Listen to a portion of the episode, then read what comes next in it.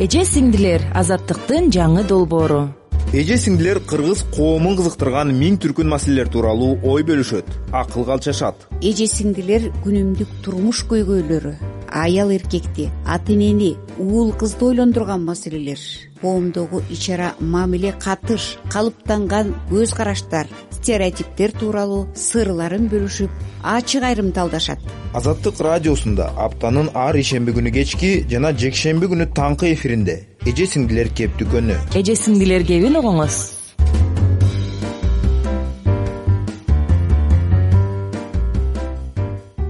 саламатсыздарбы урматтуу азаттык радиосунун угуучулары? Ободо эже сиңдилер рубрикасы кайрадан сиздер менен. Бүгүнкү биздин темабыз уулдуу болуу милдетпи зарылбы ушул тема тегерегинде биз бүгүн талкууну жүргүзөбүз. Жана бүгүнкү менин конокторум бул социолог топчугүл шайдуллаева радио алып баруучу алина баженова жана мугалим гүлжан курманалиева. Студияга кош келипсиздер саламатсыздарбы? Саламатсыздарбы. Саламатсыздарбы. Талкуунун башында кириш сөз айтып кетейин. Эмне үчүн биз бул суроону бүгүн көтөрүп жатабыз? Бизде кыргыздарда баягындай ар бир үй бүлө куруп жатканда тоюнда эле баягындай «Э, биринчи балаңар эркек болсун эркек балалуу болгула деп ушундай батага да көп маани бурушат э мисалы жана коноктордун ортосунда конкурс өткөндө дагы тамадалар уулдуу болсун дегендер кол көтөргүлө десе эмнегедир алар дайым кыздуу болсун дегендерден көбүрөөк болот анан жанагы аялдарга дагы уул төрөп бербейсиң эркек төрөбөйсүң деп да көп басым жасашат. Ошонун арасынан көптөгөн ажырашуулар үй бүлөдө чыр чатактар чыгып жүрөт эмеспи? Эң биринчи суроом сизге топчугүл эже биздин э, кыргыздардын менталитетинде э уулдуу болуу эркек балалуу болуу чындап эле ушунчалык маанилүүбү?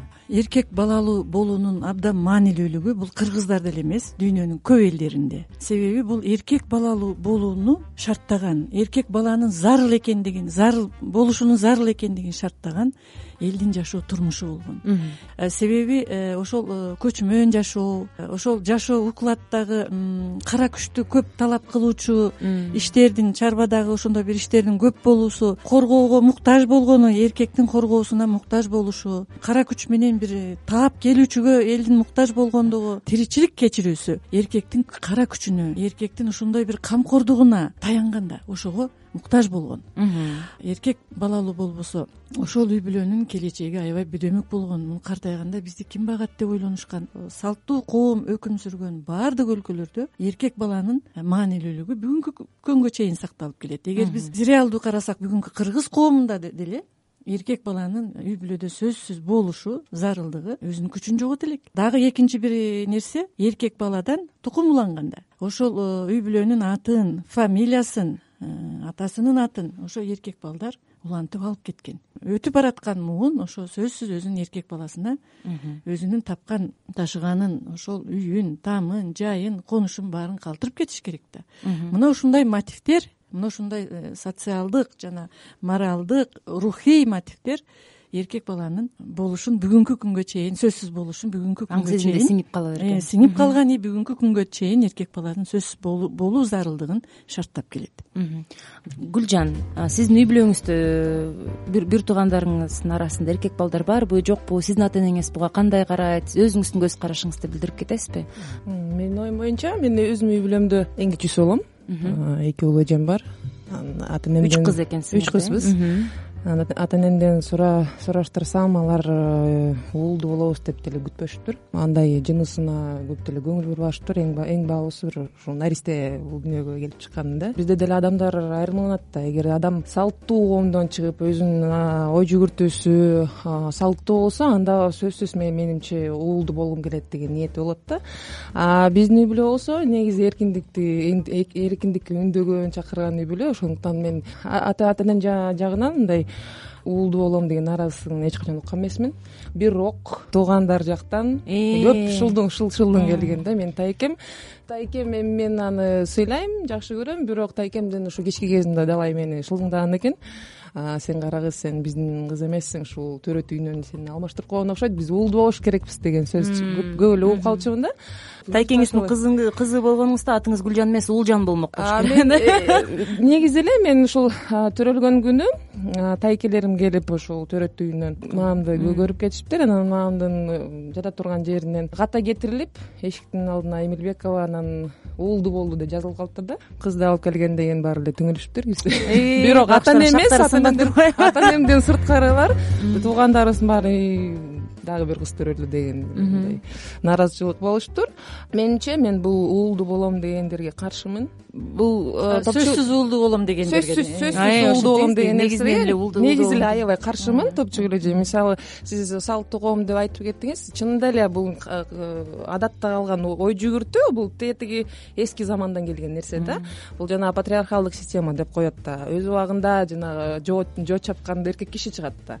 Заман өзгөрүлдү адам өзгөрүлдү анан азыр бул жанагы сөзсүз уулдуу болом деген ата эне мейли дейли уулдуу болушту. Анан аны э, чоңоюп өстүрүп э, бутуна тургузупту анан эмне колуна найза карматып кошунасына жибереби мен түшүнбөйм да негизи азыркы учурда заманбап нерселер көп демек сиздин оюңузча кыздар деле эркектер деле бирдей эле барып акча таап келет үй бүлөсүн заман өзгөрүлдү аял киши деле келип ошончо эле акча таап келет. Э, керек болсо өзүнө өзү деле туруп берет. Алина эми сиздин оюңуз кандай? Сиздин үй бүлөңүздө кыздар да эркек балдар да бар э? Ошол жөнүндө да сиз айтып берсеңиз ата энеңиздин көз карашы кандай силердин көз карашыңар кандай үйдө мисалы эркек бала деп мындай өзгөчө мамиле жасашты беле мисалы бизде кыргыздарда бул бала бизди багат деп кыздарды баягы кичинекей кезинен баштап эле ай тур сен муну кыл тигини кыл деп эле ары бери байкуш кыздарды баягы тыпыратып эле акшыңдап эле байкуш кыздарды ордуна отургузбай эле иштете беришет го. Эркектер болсо ой бул бизди бага турган бала деп көкөлөтүшүп эле баягындай эрекелетип эле чалчаңдатып беришет силердин үйдө дагы ошондой барбы мен эми үй бүлөм чоң деп айтсам болот. Э, беш бир тууганбыз.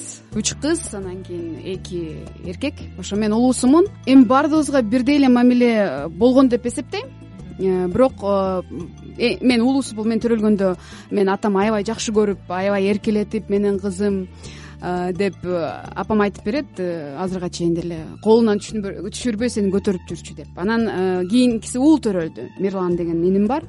Ал төрөлгөндө болсо болду мени унутту атамчы болду уулдуу болдум деп ошол кичинекей кезимден эле эсимде бар да мен хулиганство кылсам мени болсо э, кечирбейт.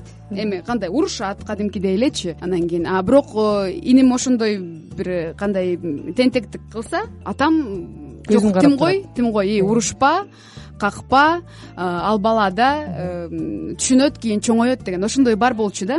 Анан бирок эми мен мынтип ойлойм эки жаш башын кошкондо уулдуу да болгусу келет анан кыздуу да болгусу келет. Бирок анан уулдуу болбой калса бул эми трагедия деп эсептебейм кыздар азыр аябай күчтүү болуп атпайбы күчтөнүп анан кийин мурун апам ошо уулдарым бизди багат кичи уулум бизди калат биз менен анан кийин э, үйлөнгөндө дагы балдарын биз багып беребиз биз менен болот деп айтчу эле. Азыр болсо кайра айтат. Жакшы мен үч кыз э, төрөп койгон экенмин. Эми кыздар баягы мээримдүү болот го аябай ата энесине жакын болот жароокер болот жароокер болот ар дайым жардам берип анан кийин э, чалып турат э, акча салып турат. Э, жакын болот негизи а уулдар болсо азыркы эме менен караганда менин инилерим анчалык эмес да. Биздин азыркы тилекке каршы азыркы тарбияланып жаткан эркек балдар мына уже чоңойгон жигиттер башкача да булар мурдагыдай эркек кандай болуш керек? Анын жоопкерчилиги кандай болуш керек? Азыр андай балдарды тортик деп коюшат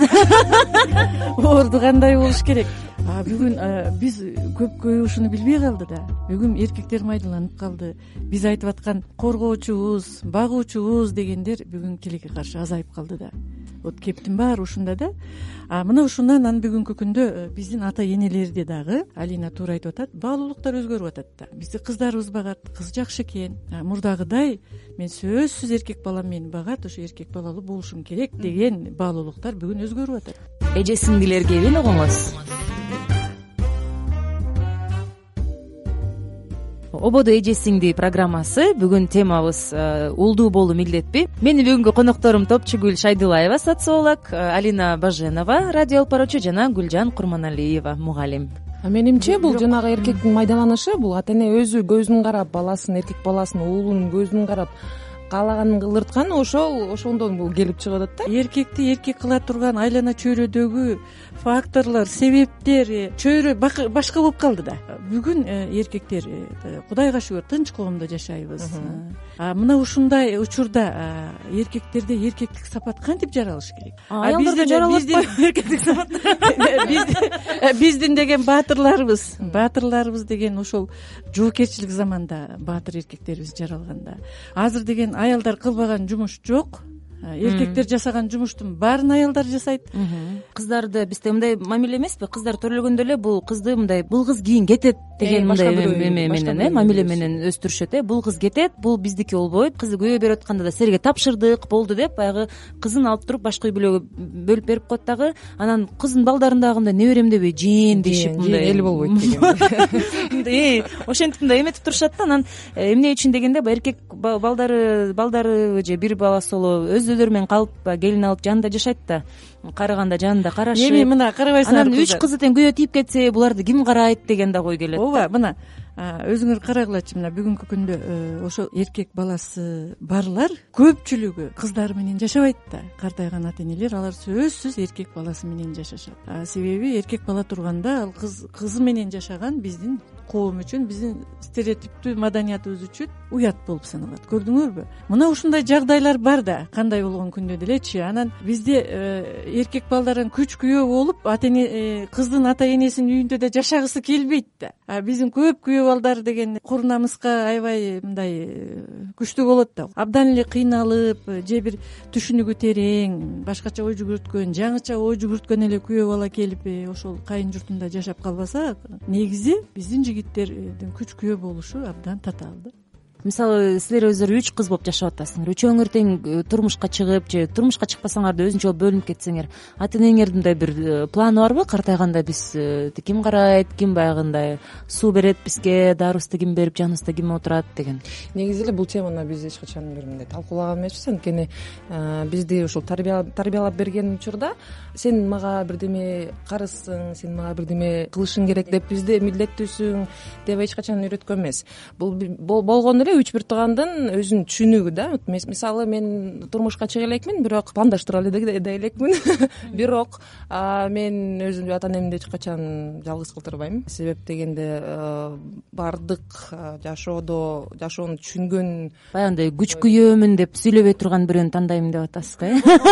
Күйөө болгонго макул болгон. Мындай нерсе да өзүмдүн эле түшүнүгүм бар. Болот мындай шаарда турабыз да ушул жакын эле жашайбыз да балким. Эми бул нерсени ар кайсы жолдору менен чечсе болот да сөзсүз эле бир үйдө жашап бул жанагы салт салтты кармаган үй бүлөлөрдө бир үйдө баары жашоого тууганы да келет тайкеси да келет тиги тайкесинин кошунасы да келет. Андай түшүнүк деген кетиш керек. Мынакей азыр чай коюп тамагын жасап кеткен менимче азыр бул оор деле иш эмес. Аялдар э, кыздар ошо турмушка чыгуу менен бала чакалуу болуу менен анан өзүнө кадыр барк топтогон да бирок эме обидно болуп калат го э Төрөй албай калсаң сен эмне кылабыз уул эми? төрөбөсөң сен анда эмне бир башкачасыңбы же сен автоматически жаман болуп күнөө каласың аял киши деле толук эмес болуп каласыңбы Э. ал туура эмес деп эсептейм. Э, уул төрөлсө эми жакшы э, кыз төрөлсө да жакшы. Анан баягы биздин коомдо барго үй бүлөлөрдө эми ошо туугандардын арасында анан төрт беш кыз төрөсө да болду ошо. Уул төрөмөйүнчө сен төрөй бересиң. Ошо жетинди төрөйсүңбү сегизди төрөйсүңбү хотя бы бир уул э, төрөп бер мага дегенчи. Ошол да туура эмес деп эсептейм. Анан аябай дискриминация деп ойлойм. Эмнегедир эки кызды төрөп деле жыргап үй бүлө куруп эми жашай берсе болот. Ал кызды уул кишиби кыз балабы эң негизи жакшы тарбия берип акыл үйрөтүп анан баягы коомдо бир орун өзүнүн орунун тапкан бир жакшы адам чоңойсо э, жакшы адам болсо ошол э, эң негизгиси деп ойлойм да мен да мен да макулмун. Эми алина сүйлөп аткан айтып аткан бул абдан жакшы вариант да. Өзү ушундай болуш керек да идеалда ушундай болуш керек. Эч убакта биз төрөлгөн перзентти бул эркек кыз деп бөлбөш керек. Ал перзентибиз да ага бирдей мамиле болуш керек бирдей жакшы көрүшүбүз керек. Уулубуз жок же кызыбыз жок деген маселе көтөрүлбөш керек да. А чыныгы жашоодо андай эмес да. Биздин баарыбыз биздин керек да азыр көптөгөн эле. эркектер ошол эле учурда кайын энелер кайын аталар бир туугандар көп эле сөзсүз уулум болуш керек деген позицияда дагы эле сакталып сактап атышат. Ошол сөзсүз уул төрөсүн деген эле аял кишинин басынткан нерсеси да. Анткени аял киши төрөй албай калса эмне болот? Же э, такыр төрөй албаса кандай ооба, болот? Бул- бул проблема. келин өзү негизи баягы эки үч кыз төрөгөндөн кийин кээде мен угуп калдым менин дагы баягы арасынан болуп калат. Айтып калат жеңемди кууп чыгышыптыр эркек бала төрөбөйсүң деп баягы үч кыз төрөгөндөн кийин кууп чыгыптыр деп сымал эле айтышат да? Же болбосо ой бул эркек туубайт экен муну кетириш керек деген да ушундай дагы бир мындай бир э, ойлойсуң да аялдар бул үй бүлөгө келгенде келин болуп бул жөн эле баягы эркек бала жасап бере турган бир агрегатпы мындай э функцияны аткарбай калды эмеге списаниеге чыгарыш керек дегендей эле бир вариант болуп атат да анан дагы жети сегиз кыз төрөлгөндөн кийин андан кийин уже сегизинчисинен баштап уул кыз уул жан уул келсин жаңыл болсун жаңыл деп эле баягындай кой башташат да. Анан ушундайга көз карашыңар кандай ушинтип ат койду бул кыз төрөлдү өмүр бою ошол ат менен жүрөт анан билет ал. Менин ордума эркек бала болуш керек болчу. Булар мени каалаган эмес эркек баланы каалаган мындай булар мени мындай мажбур болуп эле багып атышат дегендей бир ой менен жашайбы кандай ойлойсуңар бул абдан оор да. Умсунай дегенди атты коюшат да. Мисалы э, бул эркек баланы күтүп атса кыз төрөлүп калса умсунуп калды да ата энеси ушундай бир жаман болуп калышып анан умсунай эми ошол умсунай деген ат менен жашаган э, дагы биздин кыздар көп да бүгүнчү бул маселени абдан бир бүгүнкү күндүн көйгөйлүү маселеси катары эле карашыбыз керек. Себеби бүгүнкү учурда э, мына илимдин жетишкендиги медицинанын жетишкендигин баарын эске алган күндө деле биз уул төрөгүбүз келсе уул төрөп кыз төрөгүбүз келсе кыз төрөгөн э, ушундай деңгээлге жете элекпиз да. Кандай кудай берсе ошондой э, балдар ошондой төрөлгөн учурда азырчы. Ушундай болгон соң айрыкча уул балага өтө артыкчылыктуу мамиле жасоо жөнүндөгү маселени көйгөйлүү маселе катары эле карашыбыз керек. Тилекке каршы үй бүлөлөр ушунун айынан да ажырашат да экинчи көбүнчө ошондой болот экинчи аял алышат үчүнчү аял алышат. Мунун баары ушундай бир үй бүлөдө туруксуздукту ынтымакка доо кетирет чыр чатакка алып келет. Балдарды мостойтот кыздарды кыздарды аябай капа кылат ошол үй бүлөдө кыздар бизи жаман акыбалда калат да. Бала катары сезбей карабайсыңарбы мына ушундай моралдык жактары этикалык жактары бүгүн курч бойдон эле турат да. Көп адистер айтты врачтар айтып атат. Уул төрөлөбү кыз төрөлөбү көбүнчө негизинен ал эркекке байланыштуу.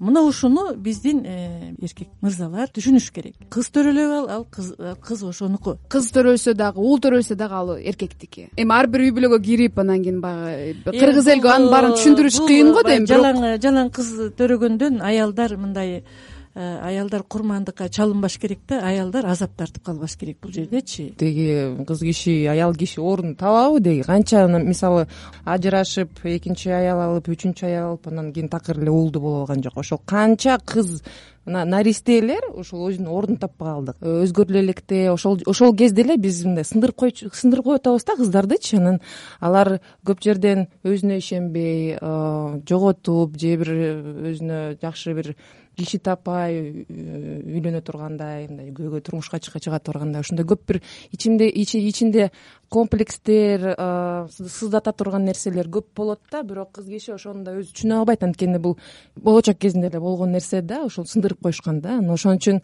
бул маселени менимче бир мындай катуу орой суроо менен чечиш керек да. Орду барбы кыз кишинин? Айткылачы көргөзгүлөчү. Биз ошол жака барайлы дегендей да. Анткени мен ошол сиңдиме азыркыга чейин боорума чейин менин деле ошол туугандарымдын арасында менин досторумдун арасында көп. Өзүмө эле э, жакын тайкем бар. Төрт э, кыздуу болгон. Эми ал башка э, мисал да төрт кыздуу болгон уулдуу болгусу келген го дейм билбейм бирок эч качан эле айтпачу эле бизге уулдуу болом жеңемди баягынтип уул төрөп бер деп деле кыйнаган эмес. Төрт кызы бар аябай жакшы көрүп мээримин төгүп эле чоңойткон. Анан азыр төртөө тең турмушка чыккан балалуу болгон анан бирок башка деле мисалдар бар. Э, баягынтип э, экинчи аял алат үчүнчү аял алат анан ошону актап ооба туура эми эркек төрөп бербейби депчи. Ошол эркек киши аял алганга укугу бар да? экинчисин алабы үчүнчүсүн алабы төртүнчүсүн алабы ошондой бар бирок. Эмнегедир кыргыздарда ошондой болуп калыптыр. Э, эркек болсо эле вот эркек төрөп берсең биринчиси эркек болсо сонун аябай кыз төрөп берсе болду эркек күтүп башташат. Азыркы менин досторумдун арасында туугандарымда деле бир аз өзгөрүп баратат. Эркек эле болуш керек деген ой азайып баратат деп ойлойм да. Эки жаш башын кошкондо анан наристелүү болгондо эле кандай бакыт а? Кызбы эркекпи ошол эле бакыт да. Эже сиңдилер кеп дүкөнү эже сиңди программасы уланууда бизге жаңы эфирге кошулгандар үчүн эстете кетейин. Бүгүн биз уулдуу болуу милдетпи уулдуу болуу зарылбы деген теманын тегерегинде талкуу жүргүзүп жатабыз. Менин атым алия суранова жана менин бүгүнкү эфирдеги конокторум социолог топчугүл шайдуллаева радио алып баруучу алина баженова жана мугалим гүлжан курманалиева кыргыздарда эмне үчүн эркек балалуу болгуң эле келе берет ушунча кыздарың турса десе дагы бир абдан кандай десем мындай бир күчтүү аргументтердин бири. Баягы булар деген биздин баягы санжырабызды улайт тукумду улаш керек дешет. Мисалыба бизде кыргыздарда эми көп эле элдерде э? Ошол эле ошол эле. Баягы еврейлер деле апасынан тарабаса калганыбыздын баарыбыз эле атабыздан го. Анан атадан кетет дешет го баягы кан эмен тукумдун уланышы. Анан өзгөчө баягы эгерде үй бүлөдө жалгыз эркек бала болуп калса ошол жалгыз эркек бала дагы сөзсүз түрдө эркек балалуу болуш керек деп дагы ошого да өзүнчө бир ал балага дагы өзүнчө бир стресс да. Сен эркек балалуу болушуң керек. Болбосо сени менен токтоп калат биздин тукумубуз депчи. Алар үчүн да өзүнчө бир давление болот деп ойлойм да. Кыргызча айтканда давлено стерс давлено анан жатат. Жеке менин үй бүлөм мына менин ата энем. Бул кайгырууну мындай трагедияга айландырбаш керек да. Бул деген сөзсүз түрдө мисалы ошол эле санжыраны өзүңүн үйүңдө эле улап кете берчи кыздардын атын деле жазып кете берчи. Эмне болмок эле бул деген санжыраны мен өзгөртөм деген нерсе жок. Бирок кыз деген башка бир үй бүлөнүн эркегинен бала төрөт атпайбы бул уже башка үй бүлөнүн баласы болуп калат менимче кыз киши деген башка бирөөнүн тияктын бияктын үй бүлөсү эмес. Кыз киши деген өзүнчө бир инсан өзүнчө бир адам да өзүнүн бир орду бар да. Анан кийин тияк биякка деп түртө бербей ар бир үй бүлөдө эми өзгөчө болот го деп ойлойм. Тарбияга байланыштуу. Ортончу сиңдим кудай буюрса жакында балалуу болот. Кыз экенин билдик да. Аябай сүйүнүп биринчи небереси мен апам апам менен атам анан. Кыз кандай сонун? Биринчисин кыз төрөш керек деп ар дайым бирок анын да башка жагы бар. Кыз төрөгөн эмнеге ал нянька болуш керек. Кийинки прагматика жактанбы эркек эркек балага кызды колдонуш керек дегенчи. Аялдар и так эле көп нерсе кылат да бул жашоочу негизи. Бала төрөйт аны чоңойтот. Эркек деген Э, көбүнчө баягы өзүн багып өзүн карап ошондой позиция бар эркектерде негизи эле. Аял ошонун баарын кылып келатып дагы анан кийин кыз төрөп э, уул төрөбөсө жаман болуп калса ал туура эмес го деп ойлойм. Наристе төрөгөнүнө рахмат. Биздин аялдардын энелердин кыздардын ошо келиндердин төрөп атканына сүйүнүшүбүз керек да. Ошол бир төрөгөн эле канча карыз. төрөп атканына биз сүйүнүшүбүз керек. Мына баарыбыз билебиз европа мамлекеттери картайып баратат төрөгөндөр такыр азайды. Көп мамлекеттер мына өнүккөн мамлекеттерде деле. Аялдар бүгүн аз төрөп калды да. Кээ бирлер такыр төрөбөй төрөбөй коюшат. Алар мен төрөшүм керек деп деле ойлобойт көрдүңөрбү? Мына ошондуктан биз бүгүн кыз болобу эркек болобу кандай болсо деле биз ушу төрөшүм керек деген баалуулук бизде бар да милдет. Мына ушуну биз сакташыбыз керек. Биздин эркектер кыз төрөп береби аялдар эркек төрөп береби кудай деш керек ошого сүйүнүш керек. Ошо баланы төрөп атканы үчүн аялды көкөлөтүш керек. Ошого да ыраазы кылыш керек ошого абдан ыраазы болуш керек. А эгер аял төрөбөй койсо эмне кылат бара бара коом дегенди көрүп атпайбызбы башка өлкөлөрдөн. Төрөбөй эле коюшат. Алардын каалоосу ошол. Себеби алардын э, ошондой э, көз караштары көз карашы башка. Мен алардын укугу бала төрөш да төрөбөш да менин укугум деп ойлойт алар.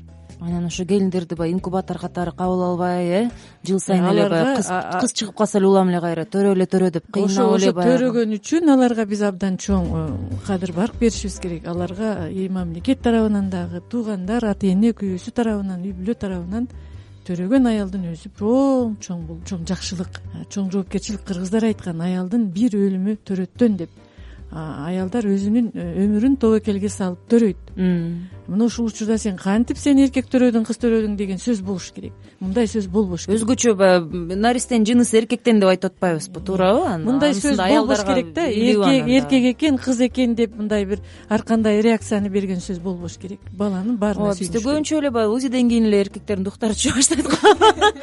Өткөндө бирөө чубак ажыга эме деп жазыптыр смс бир кыз. Боюмда бар сегиз ай болуп калды уул болсун деп дуба кылып коюңузчу депчи анан кыз окшойт же узиге алып көргөн эмеспи билбейм анан ошолорду көргөндө да мындай мындай маселе да бар да энелер өзү да каалап атат да эркек балалуу болууну ал эркек эле эмес эркек эле күйөөсү эле эмес аял өзү да каалап атат эркек бала төрөп беришим керек деп баягыдай жок ал өзү деле эркек балалуу болгусу келет да. Бирок ошол жерден даг суроо бериш керек да эмне үчүн аял киши эркек бала болгум келет дейт эмне үчүн уулдуу болгум келет деп. Ошол эле эркек кишиге күйөөсүнө жагып күйөөсү кетип калбаш үчүн эле ошол уулдуу болгусу келип атат да. Ошону да караш керек да жок аялдар деле кийин бул бала менин багат бир гана ошо болом деп күйөөсү күйөөсү менен калыш үчүн эле эмес. Э, бул жерде аялдын өзүнүн деле эркек балалуу болгусу келген каалоосу бар да укугу бар да анын деле а биз ал жагын деле унутпашыбыз керек. Эркекти аял деле каалайт да.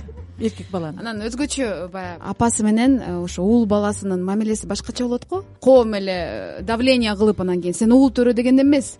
Негизи аялдар деле ошо уулдуу болгусу келет да кыздуу болгусу келет уулдуу болгусу келет. Кызы менен баягы э, дос курбу катары э. Апасынын уулу менен болгон мамилеси башкача да. Негизи мен деле менин үй бүлөмдө байкайм карайм биз апам экөөбүз башкача сүйлөшөбүз. Анан кийин мен инилерим менен апам башкача. Анан алар аябай мээримдүү да. Эми мээримин дагы төгөт апамды ар дайым аяйт мен апам менен кээ бирде урушуп баягынтип тартынышып кетсек бири бирибизге уулдары бирок аябай жакын. Мамама сөз тийгизбе коргоп турушат корс там терс сүйлөбө болду деп коргоп турушат да ошон үчүн аял киши деле уул балалуу болгусу келет го дейм ошон үчүн. Программабыз азыр соңуна келип баратат жыйынтыгында эмне деп айтабыз? Эркек балалуу болуу деген деле жөн жерден келип чыккан эмес э бул биздин тарыхка э, эже айтып кеткендей биздин маданиятка биздин коомго байланыштуу кылымдан бери келаткан биздин жашоо турмушубузга байланыштуу болуп келет. Бирок ошол эле учурда азыр заман өзгөрүлүп келатат деп биз көп эле жолу айттык э. Азыр кыздар деле ошондой эле акча таап эле ата энесине жөлөк таяк болуп эле багып эле кээ бир кыздар эркектерден да ашып түшүп багып атат деген дагы ой пикир айтылып калды. Эркек балалуу болбой аткандар өздөрүн өздөрү жемелебеш керек башка бирөөлөргө жемелетпеш керек деген жеке пикирим да? Баарыбыз эле эркек балалуу да бололу кыз балалуу да бололу. Эң жакшы вариант ушул да. А эгер эркек балаң болбой калса андан трагедия чыгарыштын кереги жок балдардын баары бирдей баарын жакшы көрүшүбүз керек. Бүгүн заман өзгөргөн биздин баалуулуктар да өзгөрүш керек көз караштар өзгөрүш керек. Кыз балага карата дагы ишеним жараткан тарбияны беришибиз керек кыз балага дагы ошондой ата эне таяна тургандай кылып кыз баланы ошондой бекем ишеничте тарбия бериш керек. Аялга болгон э, басымды азайтыш керек го деп ойлойм да. Бизде аябай ошондой көп болуп атпайбы азыр. Сен аялсың анан сен тигини кылышың керек буну кылышың керек анан сен эркекти угушуң керек анан кийин алар э, ал сүйлөсө сен унчукпа анан кийин сен жакшынакай кыз бол сен э, жашың жеткенде сени бир күйөөгө сатышыбыз керек дегендейчи ошондой ой жүгүртүүлөр болбош керек деп ойлойм да. Ошондон биз качышыбыз керек бир башкача карашыбыз керек. Азыр эми баягы заман өзгөрүп баратат деп айтып атпайбызбы аял киши баягы жалпы адамзаттын тукум улгоочу себеби. И ошон үчүн аялды терең урматташыбыз керек жакшы көрүшүбүз керек. Кыз төрөйбү уул төрөйбү э, төрөгүсү келбейби өмүр бою иштегиси келеби же төрөй албайбы. Ал андан э, ага болгон мамиле ага болгон урматтоо азайбаш керек да. Аял ошол аял бар үчүн эле биз аны урматтап жакшы көрүп келишибиз керек деп ойлойм да. Баардык айтылып кеткен сөздөргө кошулам бир эле биз баягы тойдо конверт көтөрүп чыккан эмедей болдук. Го аягында сөзсүз оомин деп э, бата берип кое алгам да. Жок жок мен кошулам да анан бир эле айтайын эми эми кыздарды сыйлайлычы кичине колдойлучу кыздарды. Кыздар деле көп нерсе бизге душман эмес. Биз биз силерге эркектер душман эмеспиз. Биз жөн гана бир ушундай коомдо боло турган терс э, нерселерди айтып чыгып атабыз. Анткени бир буларды сүйлөп чыкпасак талкуулап чыкпасак анда бул көйгөйлөр уланып кете берет. Кыздуу болгон үй бүлөдө менимче дайым күлкү болот дайым бир мындай назик нерселер көп болот ошондуктан. Кыздар форева бүгүн программага келип ушундай баалуу ой пикириңерди билдирип кеткениңер үчүн абдан чоң. Мен да силерге ыраазычылыгымды билдирем. Кыздар өздөрү биз дагы биринчиден өзүбүздүн баалуулугубузду өзүбүз дагы. Сезе билип жүрүшүбүз керек э өзүбүздү баягындай кылып тебелендиге калтырбай кор кылбай э. Башкалар дагы буга чейин да сөз болгондой көбүнчө баягы жеңелер же баягы кандайдыр бир чет жактан эле бир туугандар келип эле ай сен эмне анан ушинтип эркек төрөбөйсүңбү ушинтип эле анан кыздуу болуп эле калып кете бересиңер деп аялды дагы эркекти дагы кандайдыр бир мындай жемелей бергендерин мындай бир токтотуш керек деп деген ойдомун да мен дагы. Эң негизгиси бул балалуу болдубу кызбы эркекпи бул наристенин ден соолугу э? Кудай ден соолук берсин?